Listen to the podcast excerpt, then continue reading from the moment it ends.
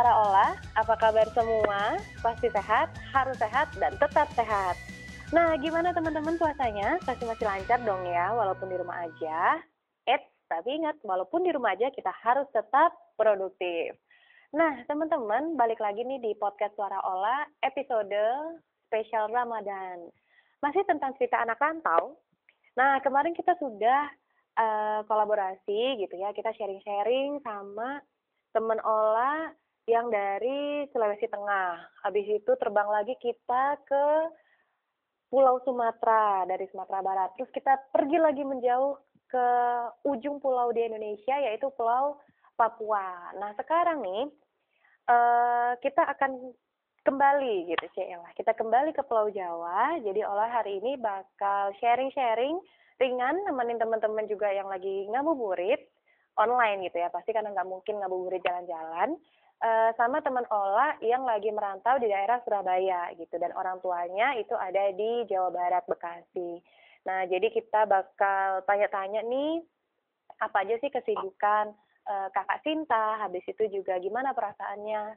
Setelah merantau, sudah berapa kali merantau, uh, apa aja pengorbanannya, apa aja perjuangan Kak Sinta untuk uh, merantau sehingga bisa survive sampai sekarang kayak gitu. Langsung aja teman-teman kita panggil Kakak Sinta. Halo Kak Sinta. Halo Yola. Hai, apa kabar Sista?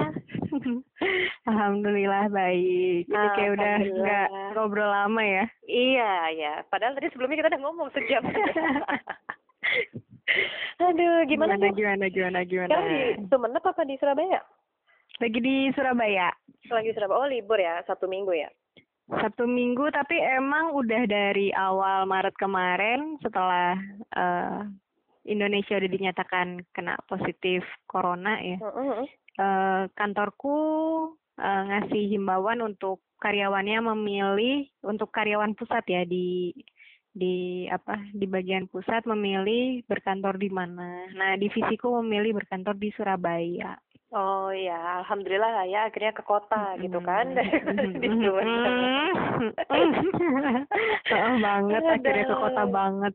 Ah, akhirnya. Eh, dari Sumenep ke Surabaya itu berapa lama, Kasin? Um, kalau misalnya ya, biasanya kalau dari naik bis kantor itu dari jam satu pagi kita nyampe jam setengah lima subuh.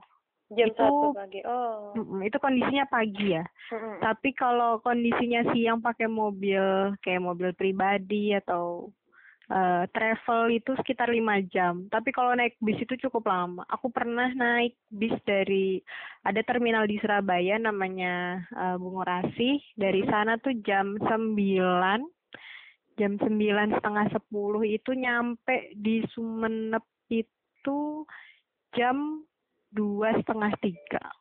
Oh, oke okay, oke okay, oke okay, oke. Okay. Lumayan juga berarti ya perjalanannya kalau lumayan. dari pos ke asrama gitu ya ke kantor. lumayan banget. oke, okay, Kasin. Jadi tadi uh, Ola sudah sempat nge-share sekilas tentang Kasin mm -hmm. seperti apa. Nah, boleh dong dikenal lagi lebih dalam Kasin uh, apa aktivitasnya di tadi kan kita mention mention di Surabaya di Sumeneb kenapa ada dua nama daerah itu? Habis itu juga mm -hmm. mungkin hmm, hmm. statusnya juga mungkin kan siapa tahu ada yang sobat podcast soal orang ini kepo gitu tentang status Kasinta gitu kan kita nggak tahu ya. Gimana gimana? Hmm, jadi kenalan dulu kali ya? Iya. Biar akrab. Uh, jadi perkenalkan aku Sinta Yolestari biasa disapa Sinta. Kebetulan uh, saudara perantauannya Yola waktu Yola datang ke Jakarta 2016 ya yo? Iya benar 2016 2016 um, asalnya dari Bekasi lahir gede sekolah kuliah aja di Jakarta di Bekasi keluarga di Bekasi. Um, saat ini statusnya seorang pegawai di salah satu perusahaan BUMN namanya PT Garam Persero mm-hmm. dan sekarang uh, penempatan kerja itu di Sumenep di kantor PT Garam mm. uh, di Sumenep di Kaliangat itu kantor pusatnya dan kantor administratifnya ada di Surabaya Jadi uh, eh, PT Garam itu untuk kantor itu ada dua, ada di Sumeneb sama di uh, Surabaya. Uh, tapi untuk uh, tempat produksinya itu ada banyak, ada di Kupang, di Bipolo, ada di Gresik, ada di Sampang, ada di uh, Bangkalan, di Sumeneb juga ada. Hmm. Jadi ya makanya dua kota itu, dua kabupaten kota itu akan jadi peneman uh, makanan, huh? makanan penema, teman entah sampai kapan. uh, Surabaya, Sumeneb. Oke, okay. berarti Kasinta di pusatnya ya? Maksudnya biasanya kalau kantor pusat kan di Jakarta. Ini kantor pusatnya PT Garam memang di Surabaya gitu ya? Eh di Sumeneb ya berarti? Hmm, jadi hmm. awalnya di Sumeneb, terus pindah ke Surabaya, terus sekarang pindah ke Sumeneb lagi, nggak ngerti nanti akan pindah ke Surabaya lagi atau enggak. Jadi karena memang uh, tempat produksinya garam itu di Pulau Madura paling banyak, makanya kantor pusatnya ya mendekati tempat produksi kan di Jawa Timur ini. Tapi kalau kantor wilayah ada di Jakarta di Rawamangun. Oh, gitu. Berarti uh, apakah ini yang menjadi alasan Kasinta untuk menjadi anak rantau atau sebetulnya kena zong gitu? Aduh. Dijawab nih. iya dong. Jadi tuh story-nya itu kan ada seleksi forum human capitalnya Indonesia untuk BUMN uh -uh. tahun lalu itu buat uh, kita masuk uh, masuk perusahaan BUMN kan. Uh.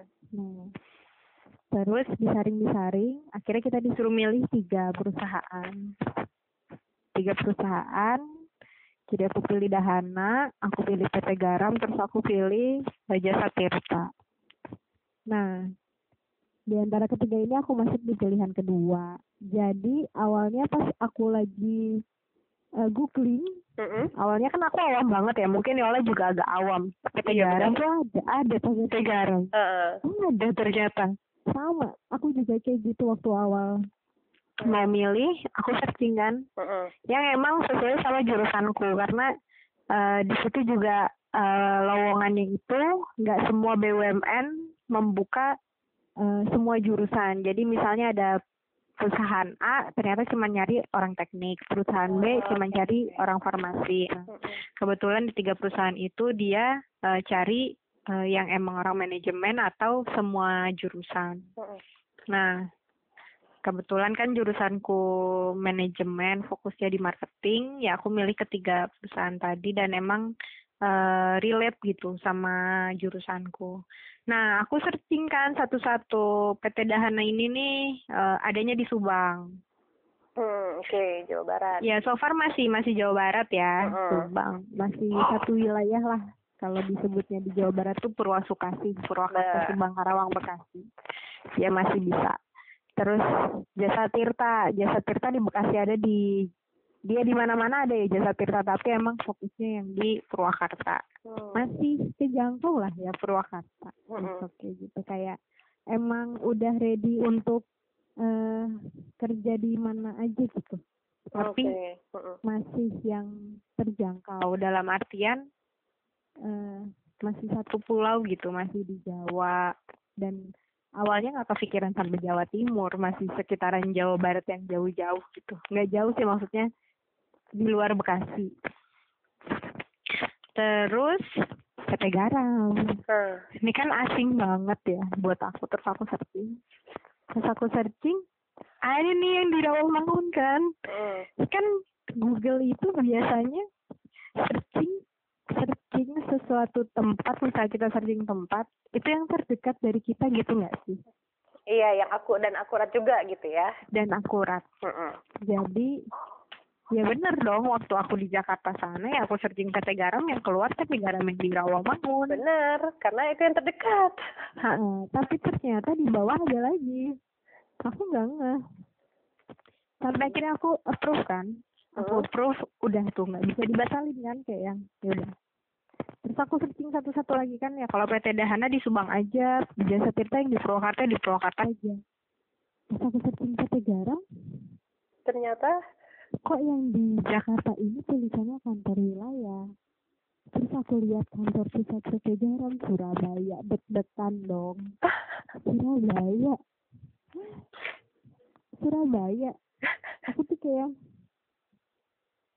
ini ini bukan hal yang diprediksikan. Kayak tahunya di Jakarta.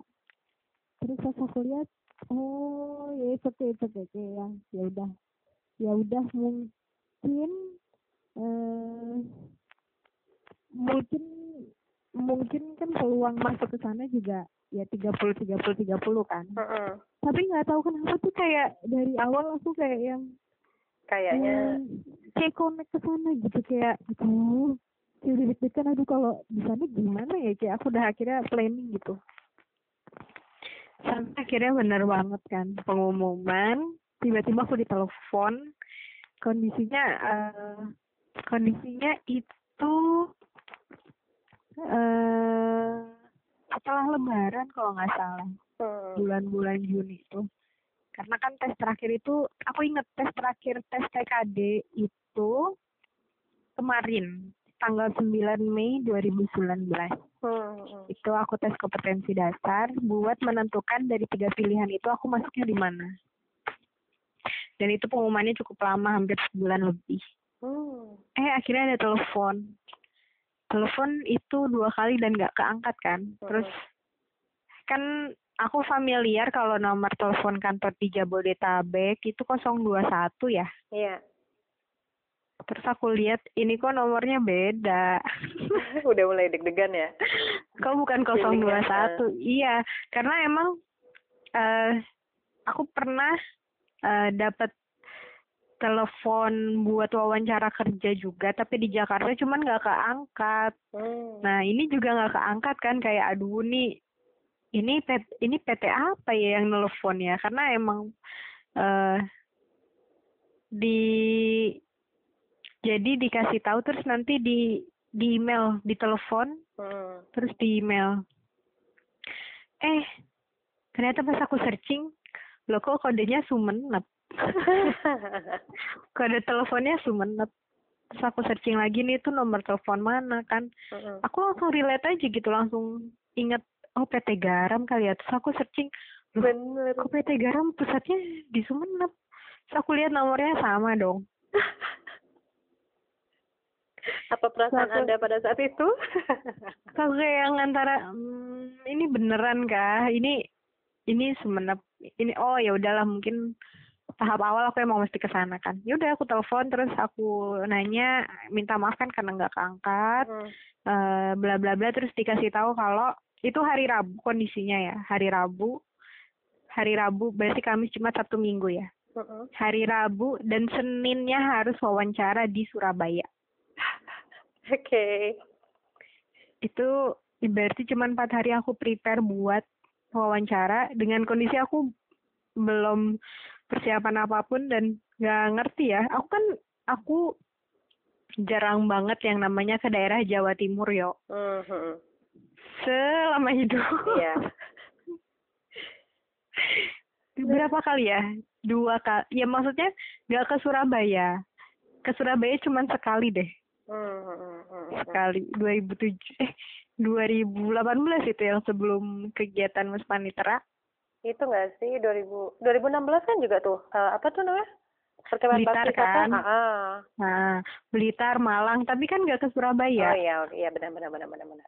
konteksnya kan nggak ke Surabaya ya yang notabene Surabaya kalau dilihat dari peta ujung Iya ujung pojokan. timurnya ah ah.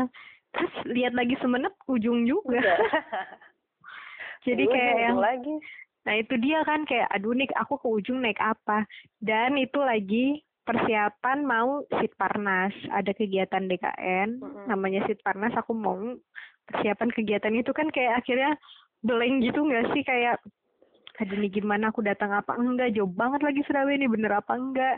Kayak takut ke prank takut kayak ada tipu-tipu gitu kan Iya. takutnya kayak gitu. Cuman aku ngeyakinin lagi oh iya benar. Ya udah aku Bismillah hari itu juga tuh ya.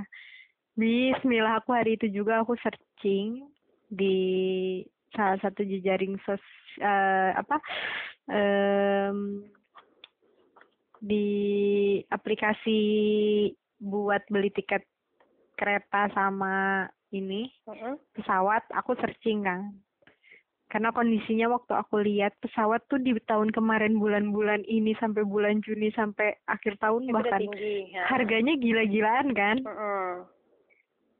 no choice aku naik kereta dong Oke. Okay. atau naik bis kan Iya.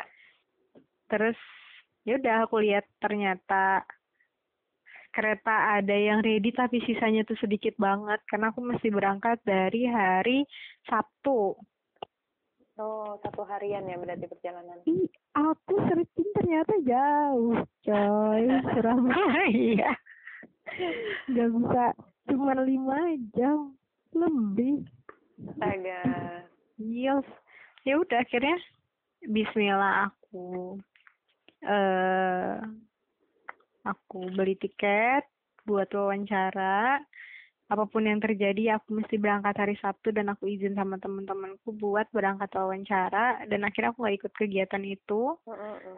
ya karena masih ada yang dikorbankan juga ya. Iya. karena memang pilihanku dari awal juga sih untuk em, aku mau bekerja. Event di mana pun pekerjaanku ya aku mau mencoba untuk bekerja gitu. Mm terus Iya. Ya udah. Akhirnya aku wawancara eh, balik lolos lagi tes buat tes kesehatan balik lagi sebenarnya kalau ditanya pilihan aku tuh ada dua mau lanjut S2 atau mau Kerja. eh, kerja Hmm. kebetulan S2 aku tuh tinggal di tahap wawancara Pilihan yang sulit ya. pilihannya sulit banget kan cuman ya orang tua utamanya mamaku nyuruhnya ya udah kerja aja walaupun S2-nya ini konteksnya beasiswa ya Heeh. tapi ya gimana kalau orang tua udah nyuruh aku kerja event event kan aku kasih opsi kan kalau aku S2 cuman di Bogor yang notabene tiap minggu aku bisa pulang Mm-mm. tapi kalau di Surabaya aku nggak bisa janjiin tiap minggu pulang dan ini jauh berarti Ya. aku emang harus ngerantau untuk pertama kalinya selama hidup aku Wah, akhirnya ya ngerantau juga. iya Yang biasanya jadi anak kebolang paling lama satu hari, eh satu bulan lah ya di daerah. Ternyata ini entah sampai kapan di daerah. bahkan tiga bulan waktu itu nggak pulang Oke, nah pulang terakhir kapan nih Kasin? Februari Februari. Februari. Oh iya Februari sekarang ya baru tiga bulan ini ya ya. Dan tiga bulan again nggak pulang Tiga bulan eh aja. nggak tahu deh Iya, itu dia maksudnya baru tiga bulan gitu kan masalahnya kan. Baru tiga bulan dan entah kapan lagi pulangnya gitu kan. Karena si corona masih happy nih jalan-jalan di Indonesia ternyata. Masih betah Iya, ya kita tahu sih memang kalau Indonesia itu memang indah banget gitu ya. Tapi nggak selama ini gitu kan. ya ngapain banget kan mampir-mampir ke sini tuh corona heran deh iya, dia dia getol 34 provinsi loh semua udah didatengin seluruh dunia. Hebat banget dia pokoknya Oke, Kasin. Aduh, tadi panjang banget ya. Jadi ternyata Zong. itu alasan ya itu bukan alasan lebih story Iya, itu alasannya ya karena kerja Aduh, aduh, ternyata Zong yang akhirnya membuahkan tidak ada pilihan gitu ya. Eh, ada sih pilihan tadi bekerja, cuman eh kuliah hanya karena arahan orang tua untuk bekerja dulu kerja gitu. Hmm. Oke, Kasin. Lucu juga ya ternyata story-nya. Dan itu pasti tidak akan terlupakan ya. iya apalagi ini pengalaman pertama aku kerja Nah, tuh di note tuh ya teman-teman semua, pengalaman pertama kerja, terus pengalaman pertama merantau. Waduh, itu lengkap banget tuh ya. Aduh, shock-shocknya gitu kan. Nah, Kasin, eh, Mm-mm. selain kerja nih, apa sih aktivitas Kasinta lainnya di da- di tanah rantau? Cela tanah rantau, daerah rantau deh ganti. aku sejauh ini ya so far masih kerja toh Hmm, hmm, hmm, hmm. kerja toh ya? karena karena eh, menurutku aku masih harus menyesuaikan kondisi di sini kan Hmm. kayak yang uh, kebetulan kan um, posisi kerjaku ini hmm, cukup fleksibel ya dalam artian nggak bisa stay cuman di Sumeneb. Jadi hmm. aku bisa bisa sewaktu-waktu harus ke Surabaya, ke Sumeneb, Surabaya, mobilitasnya kayak gitu. Jadi kalau misalnya aku ada aktivitas lain, uh, takutnya belum bisa nge apa ya maksimal gitu ya maksimalkan hmm, jadi masih kayak penyesuaian sama aku pertama harus menyesuaikan daerah dulu kan yo. Iya benar-benar. Apalagi awalnya itu aku penempatan katanya Surabaya. Mm -hmm. eh tiba-tiba Semenep. Oke okay, nggak apa-apa. Iya, dan akhirnya Semenep. Dan akhirnya dan aku kan mesti mesti penyesuaian tempat Sumenep dulu. Hmm. sempat homesick loh. Oh ya sempat homesick gimana tuh? Ya. gimana tuh ceritanya? Jadi aku sempat sakit karena entah kondisi cuacanya atau gimana karena menurutku ya uh, kata orang Bekasi panas. Uh -uh. Tapi aku ngerasa di sini cukup panas. Setidaknya hmm. satu tingkat lebih panas dari Bekasi. Surabaya, Sumeneb, panas loh. atau mungkin biasanya kalau di Bekasi itu sudah jadi makanan sehari-hari jadi udah biasa panasnya gitu kan. Mungkin kalau um, di daerah baru gitu mungkin jadi masih kaget dengan panasnya. Tapi memang beda hmm. karena kan kalau uh, Sumeneb Sampang Bangkalan Pamekasan itu produk produksi garam ya terbesar. Hmm. dan garam itu memang butuh matahari yang cukup mentereng. Oh oke. Okay. dan mungkin salah satu faktornya itu panasnya beda yo sama panas di Bekasi Jakarta. Ini panas murni matahari. Panas murni matahari. Murni ya. Tahu kan gimana hal-hal yang murni itu tuh benar-benar terasa. Iya benar banget. kalau Jakarta Jakarta um, hujan tuh masih ada hawa dingin gak sih? Iya, sejuk lah, sejuk ya, nggak nggak dingin sejuk dong, sejuk. Ya. Sejuk kan. Ini ada beberapa, nggak setiap saat sih, ada beberapa waktu uh -uh. ketika hujan tuh hangat. Iya. ada. Ya setelah di bawah panas terus turun hujan kayak nguap panasnya ke atas gitu kita kerasa gitu hawa-hawa panas. panasnya naik gitu ya jadi hangat hmm. gitu. Dan bawaannya kan pengennya minumnya yang dingin. Gitu nggak sih? Terus uh, dingin dingin dingin. Dan akhirnya ada tenggorokan deh. Iya. Jadi serba salah gitu ya mau maksudnya mau adaptasinya mau minum dingin radang tenggorokan. Tapi kalau nggak minum dingin pak badan tuh panas gitu kan? Hmm ya. aduh aduh. Penyesuaiannya ternyata cukup lama. Kan mungkin sampai sekarang aku kalau untuk uh, suhu dan cuaca aku masih belum. Kalau ya emang yang namanya nggak ada nggak ada tempat ternyaman selain di rumah gitu bahasanya iya elah. Nah itu kata-kata yang akan keluar kalau kita menjadi anak rantau. Benar gak sih kak? Iya. Kalau kita nggak jadi anak rantau kita nggak bakal ngomong itu gitu kan? Dulu kalau misalnya ke Cibubur kayak biasa aja kok iya benar-benar. Iya karena ke Cibubur itu mungkin udah sebutan rumah juga bukan kita kita yang anak pramuka gitu ya. Iya. Aduh, ini aja kita baru baru mengupas beberapa pertanyaan uh, sama Kasinta ini udah banyak banget ya cerita-cerita yang yang ternyata kocak banget gitu dan dan ini nggak mungkin dan dari situ aja udah bisa dipetik tuh teman-teman beberapa hal yang yang bisa kita ambil gitu maksudnya jadi tambahan masukan ke kita juga gitu kan dari pertama hmm. tuh nyari uh, kerjaan cari kantornya itu harus benar-benar dilihat dulu jangan sampai yeah. salah unpredictable deh jangan yeah. sampai unpredictable nah, benar-benar tahu gitu. aduh itu du itu habis itu juga ya memang berarti berat badan sempat turun juga nih kak gara-gara sakit itu tapi eh, tidak untuk berat badan gimana gimana kak tidak tidak untuk berat badan. Berat oh. naik. wah alhamdulillah berarti berat badannya malah naik gitu ya maksudnya. Daripada kan iya benar daripada di Jakarta kan nggak naik naik berat badannya kan kemarin. lagi jadi kesempitan gitu itu disyukuri kan Uh, bisa lah disyukuri kalau gitu kan. Berarti kan makmur. gitu aduh, aduh. Kasinta, Kasinta. Nah, Kasin, ini kan sudah bisa dipastikan ya, kita tidak bisa mudik gitu kan, kita tidak bisa pulang kampung hmm. uh, dalam hal momen lebaran tahun ini gitu, dikarenakan hmm. di, dikarenakan COVID. Nah, menurut Kasinta, gimana sih pendapat kakak tentang COVID ini? Pandangan kakak?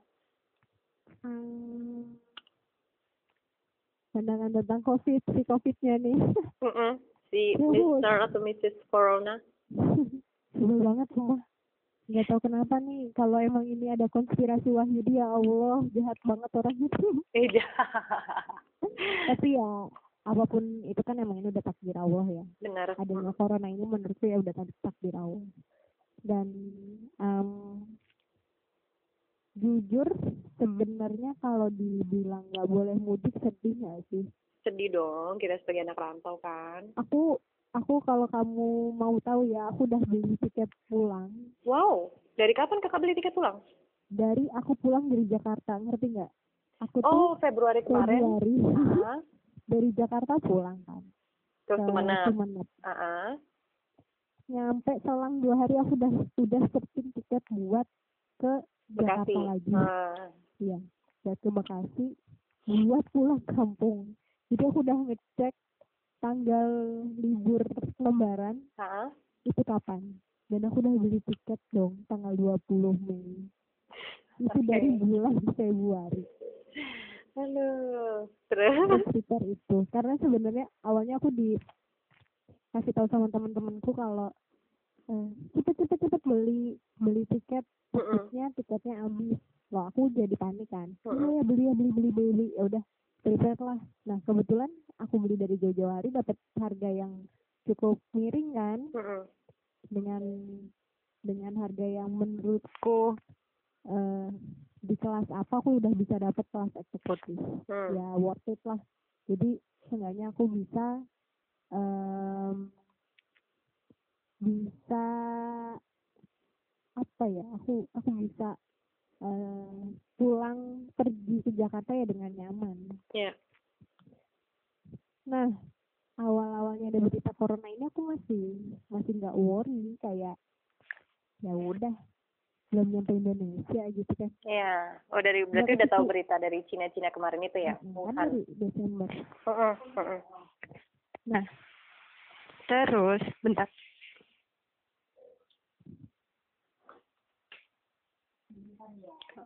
Nah, terus uh, pas mulai-mulai aku disuruh pindah kantor, aku mulai worry tuh.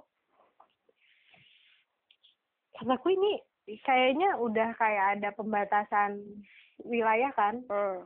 lockdown kayak gitu-gitu. Terus temenku juga udah warning um, kalau kereta api tuh udah sepi. Oh, bahkan kereta maksudnya dia kan pulang lokal gitu kan. Uh-huh. aku kayak yang oh ya udah gitu. Dan aku emang nggak berani pulang waktu itu karena uh, Jakarta dan sekitarnya kan lonjakan yang kena covidnya tinggi. Tinggi uh. nah akhirnya ya aku masih santai. Sampai akhirnya di awal-awal April tuh ada himbauan nggak boleh mudik. Terus kan ada statement mudik pulang kampung beda bahas beda beda, beda arti. arti. Tapi menurutku sama aja. Intinya ya kita nggak boleh nggak boleh ke mana-mana untuk uh, membantu pemerintah agar corona ini nggak nyebar ya nggak sih? Yeah. Karena menurutku kenapa corona ini cepat nyebar ketika orang-orang dilarang nggak boleh ke mana-mana ya mereka malah ke mana-mana. Tapi oh. ya bisa nyalain juga kan karena misalnya orang yang di Jakarta yang tinggalnya di di daerah-daerah luar. Kondisi kayak gitu apalagi udah ada pembatasan um, harus WFH atau yang misalnya kerjanya gajinya harian kan mereka nggak punya penghasilan lagi kan. Benar kak. Mm -mm. mereka di sana nggak ngapa-ngapain berarti mending mereka pulang. Ya tapi dilemanya ketika mereka pulang mereka nggak tahu ternyata mereka bawa virus bener. Nah nyebar lah nyebar nyebar sampai merah semua. Nah aku aku kalau ditanya sedih sedih sedih banget nggak bisa mudik. Sedih banget. Apalagi lebaran pertama. Ya lebaran pertama ini per, ya. lebaran pertama lebaran pertamaku kerja dan momen yang ditunggu dan ini menurutku libur terpanjang selama kerja. Jadi aku ngitungin tuh dari tanggal 20 Mei kan? Mm-hmm. aku pulang tanggal 1 Juni tuh 10 hari nggak sih? Iya iya iya iya iya benar benar libur 10 hari bareng keluarga tuh kayak ternyata momen kayak gini tuh sangat berharga gitu. Dulu-dulu ke mana aja terlalu sering keluar rumah. Ya Allah. Aduh. ya kalau udah jadi anak rantau kalian akan ngerti kalau setiap detik waktu di rumah tuh berharga banget guys. Benar dan dan terutama masakan mama gitu ya, ya. tidak terganti. Itu masakan di rumah terus celotehan adek iya benar keluarga ketemu sepupu itu momen yang berharga banget. Menurutku sekarang tuh itu. Dan iya. dan nggak bisa dibeli kan apalagi kondisi kayak gini. Iya benar uh, apa ya kalau ya mungkin memang ada uh, hikmahnya gitu di balik di balik hmm. ini semua pasti ada hikmahnya gitu kan ya Kasin. Hmm. Tapi kan maksudnya untuk kita anak rantau memang dan dan ini sangat mengganggu mental nggak sih? Maksudnya sempet nggak sih Kasinta ngerasa akhirnya psikologi yang kena gitu. Jadi kayak kita tuh punya apa ya? Ya akhirnya gini. Perbedaan antar logika sama hati. Sebenarnya kita masih bisa kok kalau mau keluar kita masih bisa -hmm. kalau kita ego ya kita mikirin diri kita -hmm. sendiri tanpa kita mikirin keluarga kita ya kita pergi pergi -hmm. aja Iya, iya pulang kan? pulang aja ke Bekasi. Bener kan? Iya kan? Nah, cuma kan kayak kayak pikiran tuh kita uh, udah pulang-pulang aja kayak gitu kan. Tuh juga lu cuma karantina 14 hari, tapi diam di kamar hmm. doang seenggaknya lu di rumah. Maka segala macam hmm. siap gitu kan. Tapi hati kita tuh enggak jangan kita tuh kalau sayang sama keluarga itu harus bertahan. Nah, iya. Nah, ya sih Cinta ngerasain itu? Aku aku dilema gitu banget. Akhirnya berimbas waktu... ke psikologi kan ya?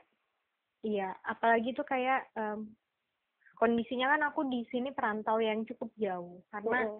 uh, beberapa rekan-rekan kerjaku paling jauh itu ya Jawa Tengah oh, okay. atau masih beda kabupaten kota dari Surabaya yang sejam dua jam tiga jam enam jam masih bisa ditempuh kereta mm. lokal gitu. Aku kan jauh banget ya Jakarta tuh kayak jauh emang jauh banget sih. jauh banget ke, ke Bekasi itu emang jauh banget dan ya rekan kantor juga sempat uh, ngewori gitu kayak yang kalau misalnya kamu pulang kamu pulang ke sana nggak apa-apa tapi dari sana ke sininya gimana karena kan kondisi di sana paling banyak yang kena covid kan mm -hmm. Di Jakarta sih Jabodetabek tapi kalau lah. Nah, tapi kalau presentasi antara Bekasi sama Surabaya lebih banyak Surabaya sebenarnya, yuk. Sekarang, iya ya, naik ya Surabaya hmm. sekarang. Tapi emang dari awal Surabaya lebih banyak dari Bekasi. Oh, oke. Okay.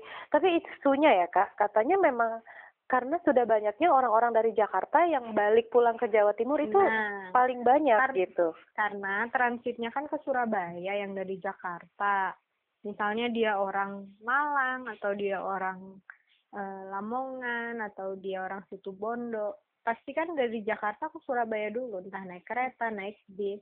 Hmm. baru pulang ke tempatnya masing-masing. Dan ibaratkan ya Surabaya Jakartanya di sana. Iya, iya Surabaya iya, iya. ya Jakartanya di Jawa Timur. Jadi tingkat uh, presentase kenaikan positifnya itu ya lebih tinggi dari daerah lain di sekitarnya. Nah, aku kan worry ya maksudnya gimana sih? Jujur aku sampai sekarang aja tuh masih berpikir gimana caranya bisa pulang yo. Tapi tapi aku udah nge-refund tiket. Nah. jadi ibaratkan ada fase di mana ya udah aku udah refund tiket. Eh tiba-tiba ada ada berita boleh mudik kan dengan keperluan bisnis hmm. atau perjalanan dinas. Hmm. Ya kan kalau kalau orang mau ngakalin bisa aja yuk bisa lah pasti hal kayak gitu tuh kan gampang, gampang. bisa cincai cincai apalagi cuma masalah surat perkara surat tinggal minta tanda tangan kan gampang cuma hmm. ya kembali tuh lagi sih aku dari awal niatin udah refund tiket udah hmm, udah menyiapkan mentalku untuk nggak lebaran tahun ini di rumah Karena kondisinya hmm. Hmm, libur di kantorku cuma empat hari libur lebaran. Hmm. Dan uh, karena perusahaanku ini kan mas bergerak di bidang pangan ya. Dan hmm. kalau perusahaan yang di bergerak di bidang pangan, pengecualian untuk WFH. Walaupun tetap bisa WFH ya tapi tetap masuk. Jadi seenggaknya seminggu dua tiga kali masuk, dua tiga hari masuk. Oh oke oke oke oke. Ya masih tetap masuk. Nanti aku masuk juga hari Selasa. Oh oke oke berarti memang Iya, memang ada beberapa sektor ya. Maksudnya ada delapan sektor usaha yang memang tidak bisa uh, berhenti di kala COVID ini gitu kan. Ya kayak transportasi, habis itu pangan. Uh, kebetulan Ola juga di IT gitu kan. Jadi walaupun WFH tetap uh, maksudnya sesekali ke kantor gitu memang cuma tapi jarang hmm. banget sih memang karena kalau IT kan maksudnya masih bisa remote gitu kan. Hmm, hmm, nah masih bisa dipantau dari rumah juga iya kan, benar banget. koneksi internet lancar. Iya benar sekali. Jadi memang uh, apa ya nah makanya salah satu inisiasi uh, Ola nih akhirnya mencetuskan untuk bikin uh, apa namanya podcast edisi Ramadan spesial anak rantau nih nah, kita akhirnya kan tahu ya gimana sih cerita dari teman-teman yang ngerantau gitu karena ternyata ngerantau tidak semudah itu loh teman-teman hmm. ngerantau itu ada banyak banget yang dikorbankan gitu kan itu dia. Nah. Itu dia. Kan orang orang mindsetnya ngerantau ke Jakarta ngerantau ke Bekasi dan ngerantau ke ibu kota lah ya. Iya. Dan itu sesedih itu tapi jangan sedih guys. Ternyata ada yang lebih sedih. Benar benar sekali benar sekali. Kayak ini kasin kayak uh, episode sebelumnya ya, episode sebelumnya itu kan sempat ngomong hmm. sama uh, teman kita Papeda. Jadi hmm. kalau teman-teman podcast Suara Olah dengar, ternyata Papeda hmm. itu sudah lima tahun tidak pernah merayakan Natal bareng keluarga. Hmm. Karena apa? Karena Natal itu adalah high seasonnya akhir tahun gitu kan, dan itu hmm. tiket ke Papua itu udah 16 juta yeah. sendiri. Gila-gilaan. Nah, maksudnya dari situ kita bisa ambil bisa ambil ini kan bisa apa namanya ambil kesimpulan gitu bahwa ternyata hmm. wow kita itu cuma baru setahun ini loh nggak ngerasain hmm. Lebaran gitu kan. Kenapa sih hmm. masalahnya itu kok di di apa ya kayak kita adalah orang paling ter tersedih gitu padahal enggak gitu. Jadi teman-teman ya harapannya jangan jangan berpikiran kalau kita ngerantau tuh enak habis itu pulang kujuk-kujuk bawa duit banyak gitu. Nah Kevin Hmm. Ini kan kita dari tadi ngomong gimana tentang COVID, habis itu tentang kesibukan Kasinta juga, gimana Kasinta hmm. uh, kerja gitu karena apa sih yang yang dibanggakan menjadi seorang warga Bekasi? Nah, ini kita usik Bekasi ini kan seru ya, karena Bekasi itu hmm. adalah maksudnya salah satu daerah yang sering banget di kategorikan bullying gitu ya. Maksudnya iya. jauh lah abis itu. Mm-hmm. luar angkasa lah karena ada galaksi. Mm-hmm. nah kalau Kasinta nih dari segi warga Bekasinya apa sih yang dibanggakan dari segi Bekasi? Aku bangga banget guys. Setelah yeah. ke Bekasi. Coba dipromosikan Bekasinya. Percayalah guys aku cukup bangga sama Bekasi ketika covid ini ya. Mm-hmm kelihatan banget. Walaupun yang namanya wali kota Bekasi nggak pernah terekspos nggak terkenal wali kota yang lainnya misalnya kan. Tapi penanganan covidnya menurutku paling TOP nggak sih? Yes, gimana tuh gimana? Dari segi apanya Kak Sinta bisa menilai bahwa wali kota Bekasi itu sangat top untuk hmm, apa ya maksudnya penanggulangan penanganan si COVID, COVID ini? um, Bekasi salah satu kota yang pertama menerapkan PSBB. Hmm. Motor awal. Terus eh, Bekasi juga yang eh, siap menyediakan gornya untuk eh, tes COVID skala besar. Hmm. Ya emang nggak lupa juga ya aku bangga juga sih jadi warga Jawa Barat karena gubernur Jawa Barat juga the best sih. Iya. Dia bantu fasilitasi itu semua karena ngelihat kondisi Bekasi kan penyangga ibu kota ya banyak banget orang yang kerja di Jakarta Bener. tinggalnya di Bekasi. Nah itu itu lagi kondisi kayak gini. Terus kondisi selanjutnya. Bekasi tuh nyediain pemakaman sendiri buat warganya yang emang kena covid biar nggak diusir sana sini ya nggak sih? Hmm, hmm, hmm, hmm. Itu di daerah mana ya kak? Daerah mana ya? Aku pernah lihat artikelnya tapi lupa ya. Oh oke oke oke oke. Nanti kita searching bareng-bareng ya. Atau teman-teman tahu di mana gitu. Oke deh.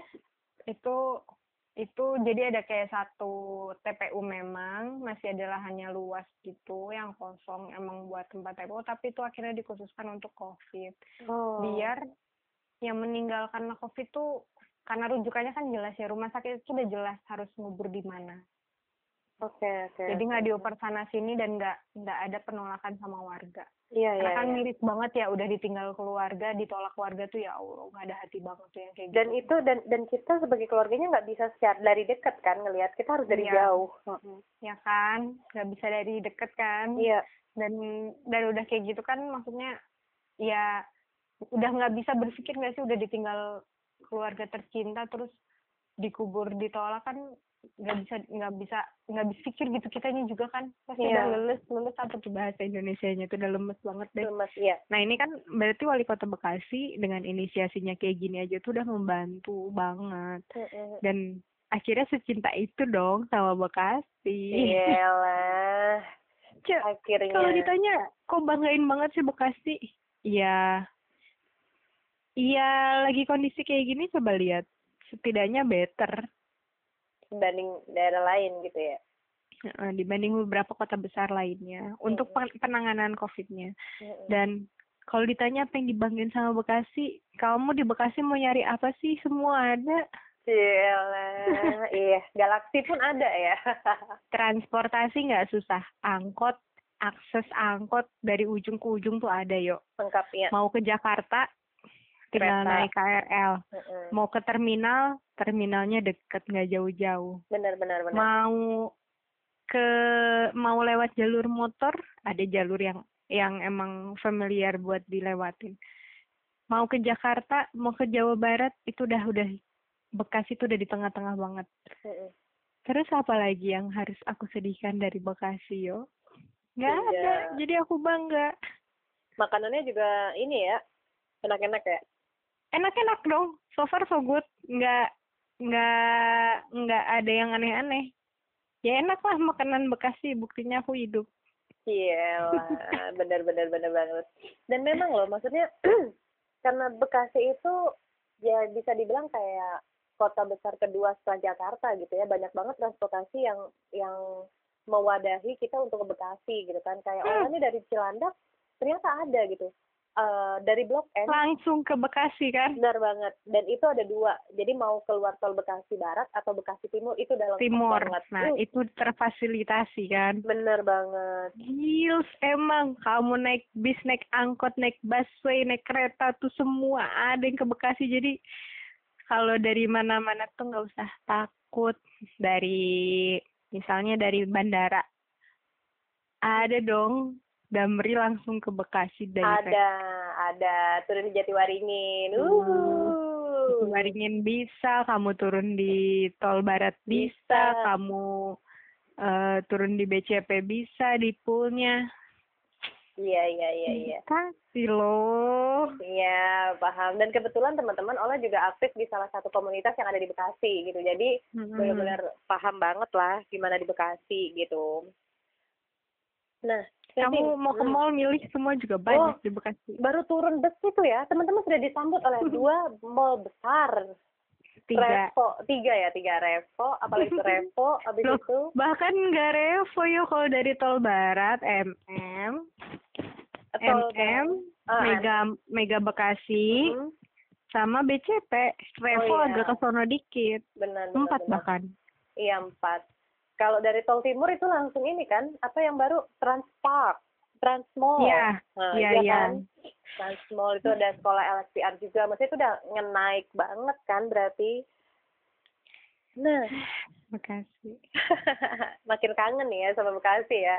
Iyalah. Iya dan banyak banget ah gara-gara Kaola nih jadinya jadi inget-inget kampung gitu kan lagi lagi sedih gini gitu lah jadi kangen gitu Nah, Kasin tadi itu kan kita ngebahas tentang apa sih yang dibanggain dari Bekasi dan Kasinta selaku hmm. warga Bekasi.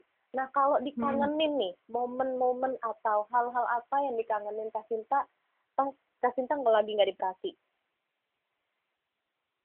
Hmm, rutinitas. Oke, okay, rutinitasnya kayak gimana? Terus apa banget yang dikangenin, yang dirinduin gitu? Rutinitas kalau aku mau ke mana-mana harus naik KRL. Oh, kangen KRL. Emang di Surabaya nggak gara-gara KRL, Kak? Nggak ada, dong. Surabaya nggak ada ya? Oh, oh dia antar daerah lokal, langsung. kereta lokal. Oh, oke, okay, oke, okay, oke, okay, oke. Okay. Terus angkot. Angkot. Angkot Bekasi tuh mau ke mana aja juga hatam dah. 05A ke mana 19 ke mana 02 ke mana 31A 30 di hatam. Di sini enggak di sini angkot itu jarak jauh dan terbatas. Oh terbatas. Tapi maksudnya overall nggak beda jauh banget kan tetap itu bentukannya tapi angkot? ya bentukan angkotnya nggak mm -hmm. beda jauh tapi fungsi angkotnya jauh karena nggak semu nggak Enggak kayak Bekasi. Kamu ke Bekasi mau ke mana juga ada angkot ya? Iya, iya, benar benar benar. Keluar mall ada angkot. Iya. Mau ke terminal ada angkot. Iya, aksesnya gampang banget kalau di Bekasi memang. Ya kan, itu yang aku kangenin dong akses ke mana-mana tuh gampang. Iya, yeah. si bebek si bebek nggak dikangenin si bebek. Aduh, enak banget tuh bebek. Ada. Makanan ya, makanan, keluarga itu emang tidak bisa diganti. Bebek kangen dong jelas. Kamu tahu di Bekasi itu ada bebek Madura. Mm -hmm. Nah kan kakak di Sumeneb tuh di Madura, masa nggak ada bebek seenak? Guys, entah entah karena lokasinya, entah karena apa ya. Mm -hmm. Tapi perlu kalian ketahui, bebek Madura enak di Bekasi guys. Ya, ini ini seorang uh, kakak Sinta yang berada di Sumeneb di mana Sumeneb itu dekat sama Madura dan ternyata Bahkan bilang di Madura. Oh iya ya Sumeneb lupa lupa di Madura dan ternyata bilang bahwa bebeknya lebih enak bebek Madura di Bekasi. Nah, coba deh teman-teman rangkai kata-katanya biar dipahami lah itu. Atau karena mungkin udah ada um, tambahan bumbu yang memang ada di Bekasi juga, tapi kayak bumbunya sama aja sih. Oh. Cuman okay. mungkin menyesuaikan lidah orang Bekasi kali ya. Tapi kayaknya lidah kamu juga cocok yuk. Iya, karena Iya iya benar banget benar banget. Nah kalau sate Maduranya gimana kak? Sate Maduranya enakan di Madura apa di Jakarta apa di Bekasi? Hmm, kalau sate sih menurutku memang Madura orang ya? Jawa Timur paling jago sih. Hmm. Tapi entah kenapa aku ngerasa tetap di Bekasi enak gimana ya? Karena karena karena kedaerahan aku atau gimana aku nggak ngerti cuman ya lidah kali ya. Aku hmm. lebih seneng sate di Bekasi. Okay. Tapi ya so far aku makan hmm? habis kalau ada sate di sini pun karena sama-sama enak. Oke oke oke. Tapi memang gini ya maksudnya kalau dibilang kedaerahan sebenarnya Kasinta bukan bukan baru sekali ini tapi Kasinta juga sudah pernah keliling daerah di Indonesia gitu kan walaupun mungkin belum 34 gitu kan Kak tapi kan maksudnya -hmm. sudah beberapa gitu kan jadi sudah bisa maksudnya ya udah bisa ngerasain penyesuaian lidah lah hmm, gitu nggak hmm. nggak kaget banget nggak nggak terlalu maksudnya nggak terlalu mikir pokoknya di Bekasi pokoknya di Bekasi nggak juga kan, gitu kan enggak nah oke okay deh Kasin kita udah hampir satu jam nih cerita-cerita. Mm-hmm. Nah, apa sih pesan Kasinta buat anak-anak rantau yang sekarang memang lagi tidak bisa pulang kampung dan tidak bisa otomatis ya ngerayain momen lebaran ini bareng keluarga. Hmm. Apa nih pesan-pesannya Kak? Pesan aku buat kalian wahai para perantau, baik yang muda dan tua. Uh, teman-teman ya sedih boleh tapi jangan berlarut. Karena nggak cuma teman-teman yang merasakan tidak pulang kampung tapi banyak uh, di sekitar kita di luar sana yang sama nggak bisa pulang juga karena kondisi ini. Dan uh, semakin kita buat itu menjadi beban akhirnya akan jadi timbul penyakit di diri kita. Jadi ya uh, make it enjoy gitu.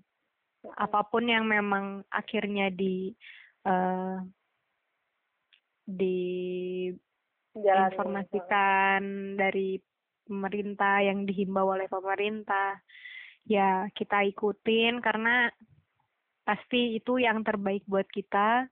Dan um, jangan jangan dibawa stres gitu. Nggak bisa pulang tuh. Ya jangan terlalu dibawa stres. Yang penting kita dari jauh sini tetap bisa mentau kondisi keluarga kita di sana dan memastikan mereka baik-baik aja. Dan jangan lupa juga memastikan diri kita di sini baik-baik aja. Ya karena memang untuk satu momen yang langka buat aku uh, dalam artian kan lebaran ini kan momen setahun sekali.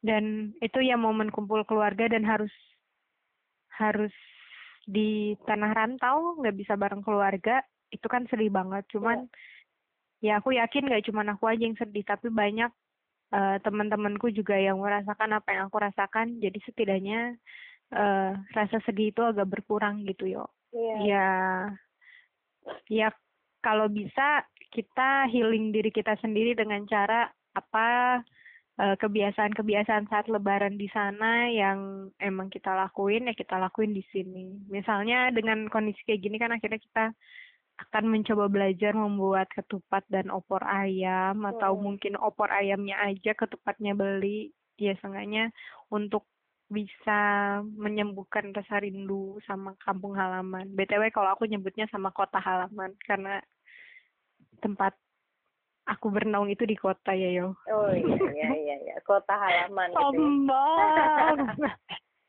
itu kan Bekasi bukan cuma kota, tapi kan galaksi. Oh iya. Planet. ya pokoknya di sana di tempat nan jauh di sana dari sini. Ya pesannya itu. Nggak usah sesedih itu walaupun memang sedih karena emang berat sih yang namanya aku sama keluarga kan. Jadi make it enjoy tetap fokus sama ibadahnya.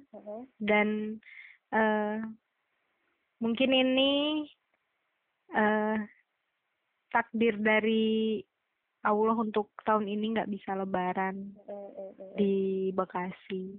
Iya, benar banget terimain sih ya mau gimana lagi iya benar kita hanya bisa ber, berdamai gitu akhirnya hmm. jatuhnya kita bisa ber, harus ber, harus bisa berdamai dengan diri banget sendiri. harus kalau gitu. maksain yang ada kan malah uh, membahayakan keluarga juga nggak sih mana tahu ternyata kita bawa virus dari bener. tempat kita kan mm -mm.